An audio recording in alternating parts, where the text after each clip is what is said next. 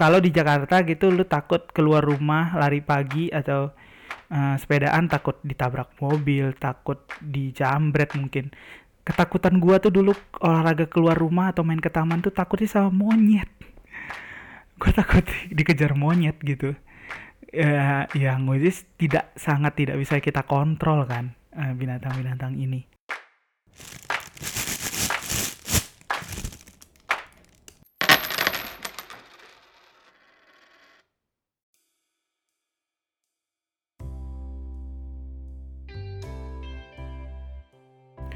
Selamat datang di podcast Kantong Kresek episode ke-4 kalau nggak salah.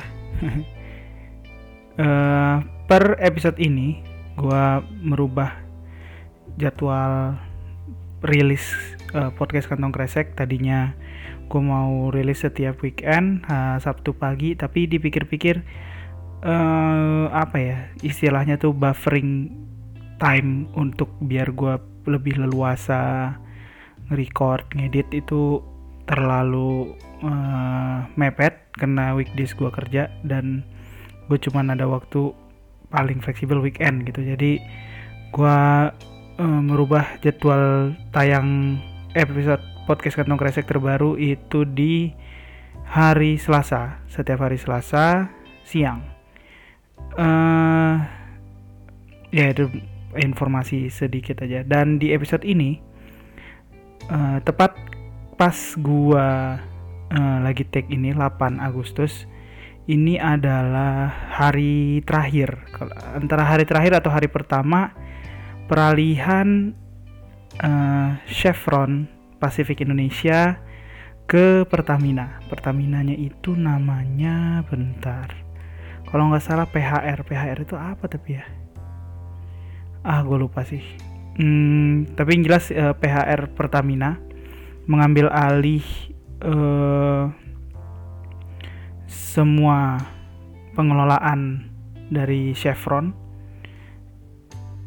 Uh, dan kenapa gue bahas ini? Karena sejujurnya Chevron itu adalah bagian besar dalam hidup gue mungkin kayak mungkin 20 tahunan lebih kali ya gua ber gua pribadi ber uh, gelut bukan bergelut apa berhubungan dengan Chevron kehidupan gua. Uh, buat yang belum tahu gue coba cerita sejarah sedikit tentang Chevron di Indonesia. Uh, uh, uh, bentar gue lagi cari ininya. Gue kutip dari apa nih? iatmismui.wixsite.com Sejarah Chevron Pacific Indonesia. Chevron Pacific Indonesia atau disingkat CPI adalah anak perusahaan dari Chevron yang bertugas mengeksplorasi minyak yang ada di Riau. Uh, lebih tepatnya kalau di Riau itu nama apa ya? Kelurahan? Kelurahan atau kecamatan itu Rumbai, Duri, Dumai, dan Minas Uh, kemudian dia juga ada di sebenarnya ada kantor di Jakarta dan kayak 2000-an gitu tahun 2000-an itu mulai buka di Balikpapan, Kalimantan. Sebelum diambil alih oleh Chevron, perusahaan ini bernama Caltex Pacific Indonesia. Jadi uh, ininya yang utamanya adalah Caltex gitu. Kemudian diambil alih oleh Chevron. Pertama kali didirikan di Indonesia pada tahun 1924. Wow, berarti hampir 100 tahun uh, Standard Oil Company of California atau SOCAL dan Texas Oil Company atau Texaco mengirimkan ekspedisi geologi ke Pulau Sumatera bernama NV Netherlands Pacific Petroleum Maatschappij atau NPPM. Pada awal 1950-an, NPPM berubah nama menjadi Caltex Pacific Oil Company dan mulai mengekspor melakukan ekspor minyak dari Minas melalui Perawang. Ini masih daerah-daerah uh, Riau ya. Kemudian nama Caltex pun berubah kembali di awal 1960-an menjadi Caltex Pacific Company. Kemudian tahun 2005 Caltex sebagai anak perusahaan Chevron dan Texaco diakuisisi oleh Chevron bersama dengan Texaco dan Unocal. Uh, ya gue agak bingung sih. Jadi dan namanya berubah resmi dari Kal PT Caltex Pacific Indonesia berubah menjadi PT Chevron Pacific Indonesia. Terus uh, kini, nah ini kininya nih tahun 2017 nih. Chevron telah menjadi produsen minyak mentah terbesar di Indonesia yang menghasilkan sekitar 40% produksi minyak nasional melalui kegiatan operasi di Riau dan Kalimantan Timur. Chevron juga telah menjadi produsen energi panas bumi terbesar di Indonesia dari kegiatan operasinya di Jawa Barat yang menyediakan listrik bagi jutaan penduduk Indonesia. Uh, itu sekilas tentang Chevronnya sendiri. Tapi kalau buat gua, uh, Chevron ini atau Caltex atau pokoknya satu CPI ya Caltex dan Chevron ini tuh udah jadi bagian dari sejarah keluarga gua dari sejak generasinya uh, datu. Datu itu kakek gua. Kakek gua dulu kerja di Chevron sebagai perawat. Kemudian bokap nyokap gua kerja di Chevron juga. Tante gua juga ada yang di Chevron. Terus sampai gua tidak kerja di Chevron tapi gua uh, lebih merasakan kehidupannya di Chevron jadi Chevron ini punya satu kompleks, kompleks perumahan karyawan gitu yang ada kantornya juga di sana di daerah tadi Rumbai, Duri, Minas dan Dumai. Uh, ya di jadi kompleks eksklusif gitulah ya sebenarnya.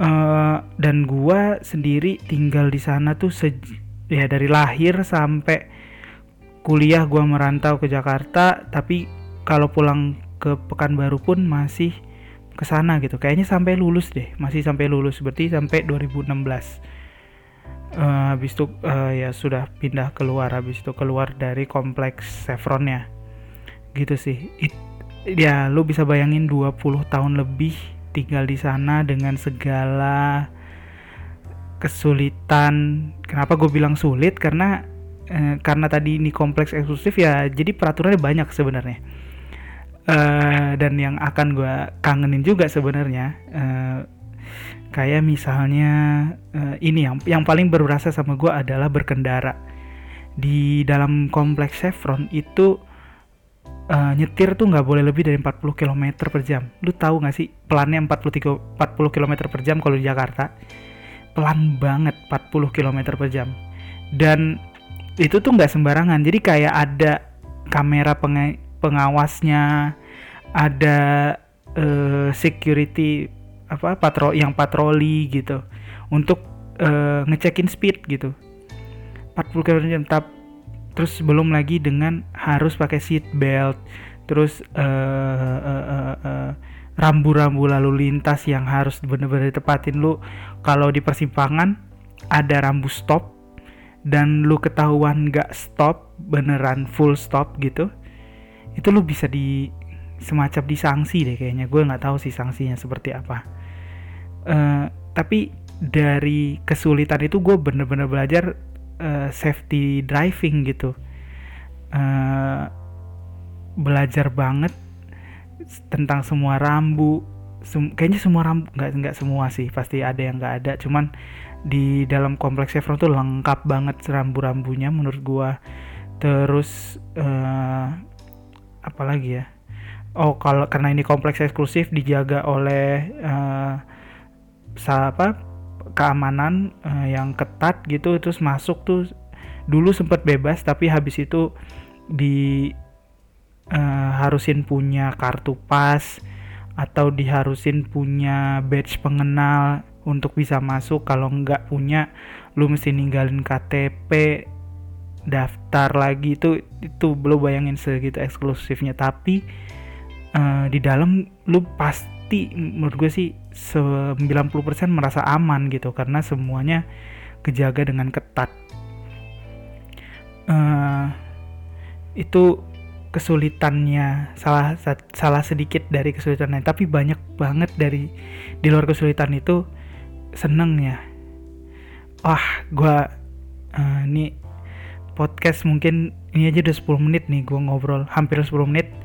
Tapi uh, banyak banget ya bakal gue kangenin. Mulai dari uh, lingkungannya. Lingkungannya tuh uh, gua merasa sangat segar sangat asri uh, sangat adem.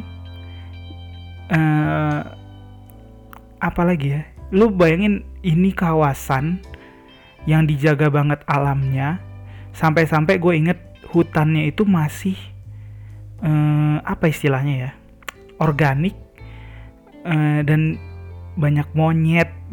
Di belakang rumah gue dulu banyak banget monyet. Kayak tiap pagi tiap sore mereka keluar binatang-binatang uh, liar itu masih banyak di sana. Sampai gue seingat gue hutan chevron itu sempat di uh, antar dikasih penghargaan atau dinobatkan sebagai salah satu hutan hutan apa istilahnya ya? Pokoknya hutan yang baik hutan yang bagus hutan yang dilindungi gitu. Saking alamnya masih kejaga banget. Dan lu bayangin uh, alam yang kejaga banget mobil walaupun banyak kendaraan walaupun banyak tapi uh, udaranya tuh masih seger menurut gua. Ya walaupun di Riau sering ada ben, apa asap gitu cuman uh, ya itu kan mm, seasonal lah ya ibaratnya tapi secara umum menurut gua adem banget. Dan lu uh, menurut gua kalau di Jakarta gitu lu takut keluar rumah lari pagi atau uh, sepedaan takut ditabrak mobil takut dijambret mungkin. Ketakutan gua tuh dulu olahraga keluar rumah atau main ke taman tuh takutnya sama monyet gue takut dikejar monyet gitu. Ya yang which tidak sangat tidak bisa kita kontrol kan eh, binatang-binatang ini. Uh, itu dari lingkungannya terus uh, orang-orangnya ramah-ramah banget. Gue nggak um, banyak sih tapi kayak gue merasakan hidup bersama orang asing tuh ya menarik aja dari sejak tinggal di Chevron gitu ketemu banyak orang asing terus fasilitas oh no oh, fasilitas tuh uh, udahlah itu cerita yang sangat berbeda. Kayak kalau lu dari luar kompleks Chevron di Pekanbaru gitu terus lu masuk ke kompleks Chevron lu akan melihat wow ini fasil ini fasilitas yang luar biasa banget. Kolam renang lapangan tenis lap apa bowling alley golf uh, apa lagi ya? Perpustakaan. Studio band dulu sempat ada. Uh, banyak banget taman. Setiap komplek punya satu taman. Uh, ibadah uh, lengkap. Itu semua fasilitasnya gratis. Ya tetap izin sih. Harus ada izin pengenal bahwa lu adalah orang Chevron gitu atau kerabat. Tapi semuanya gratis gitu dan uh, eh, gue sih nginget-nginget itu lagi. Aduh kangen banget sih. Menggunakan fasilitas-fasilitas itu gue SD dulu belajar berenang uh, di kompleks Chevron sore gitu pulang sekolah belajar berenang di sana. Gue les bowling di sana les tenis. Kemudian gue ke perpustakaan main band sempet juga. Apalagi ya sekolah gue ada di belakang masjid yang ada di dalam kompleks Chevron yang masjidnya sangat bagus menurut gue fasilitas sih nggak bisa nggak bisa didebat lah. Kalau kata Cing Abdel no debat. Bagus banget dan dan full service gitu. Uh, yang gue lihat. Apalagi ya? Oh makanan. Mungkin ini tuh kayak apa ya? Trademark atau semacam ya kalau ada khas ibu kota eh apa khas makanan khas kota kayak ada makanan khas Chevron Camp gitu. Burger dan sandwichnya uh gua nggak pernah sampai sekarang belum pernah menemukan daging burger yang seenak daging di situ menurut gua. Terus uh, banyak banget sih. Dan ya menurut gua itu tuh semua bukan semerta-merta sebenarnya Chevron memperlihatkan dia mewah dia eksklusif tapi kayak lebih kalau menurut gua lebih kayak sebuah perusahaan yang memperhatikan karyawannya gitu. Sampai ke keluarga-keluarganya uh, ya diperhatikan semua kebutuhannya. Makanan fasilitas rumah sakit juga ada di dalam sana hmm, ya maksud gue maksudnya kalau gue melihatnya Chevron tuh ngejagain karyawannya biar udah dulu di sini aja lu udah seneng gitu. Dan lo happy gue juga happy lah ibaratnya. Ya kita mereka karyawannya bekerja untuk si Chevron kan terus ya sama-sama happy gitu. Bukan sekedar mereka dipekerjakan ya dibayar dan lu harus mengerjakan tugas lu tapi uh, ya semua kebutuhannya itu dipenuhi eh, gitu. Itu juga uh, kenapa sebenarnya mungkin kalau kalau orang luar banyak dapat berita tentang Chevron tuh in, uh, kayak semat lebih kayak Freeport di Papua gitu.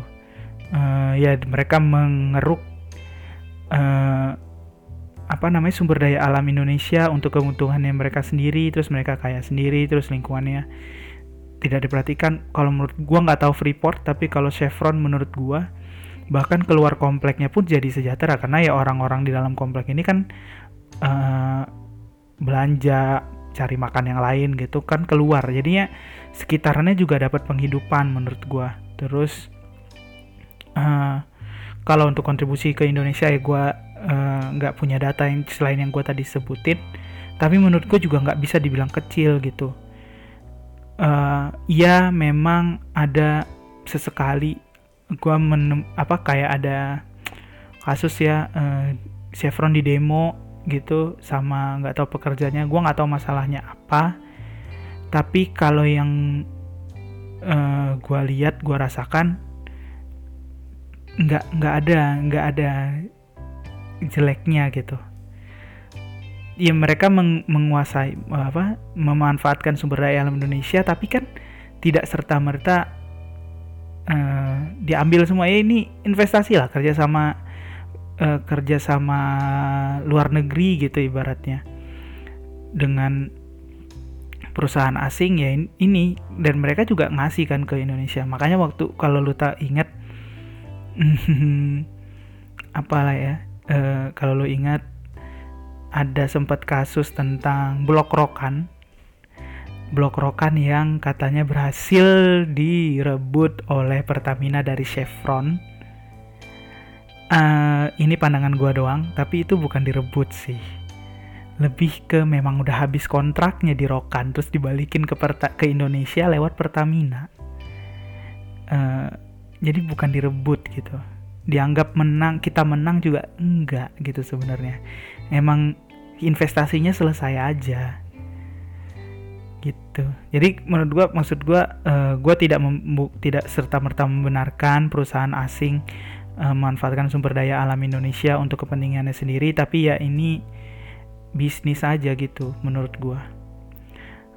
Uh, apalagi ya? Wah banyak banget sih yang oh salah satu yang paling besar gue dapat adalah beasiswa uh, kuliah gua, biaya kuliah dari Chevron.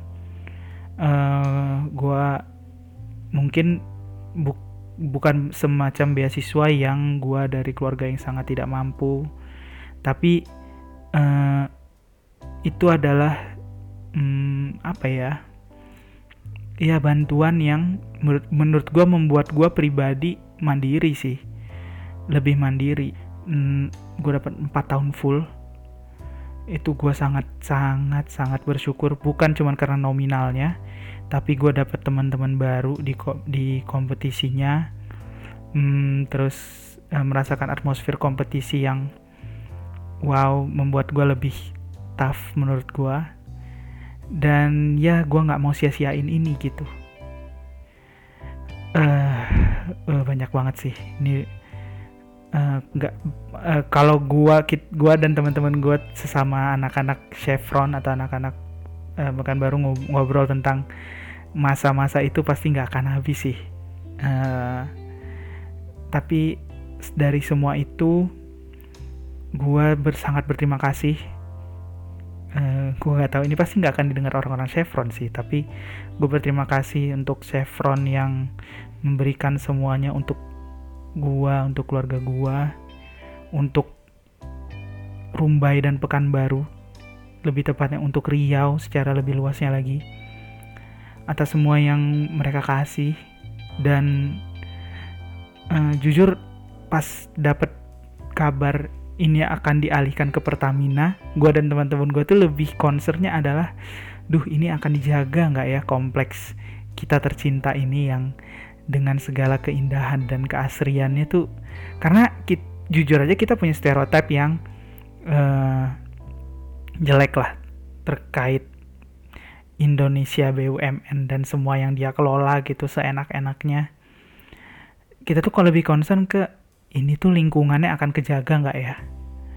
Dan kita nggak tahu uh, kalau kata di film Mili Mamet ya kita kalau kita nggak coba kita nggak akan pernah tahu. Ya inilah kita coba kita kasih ke Pertamina.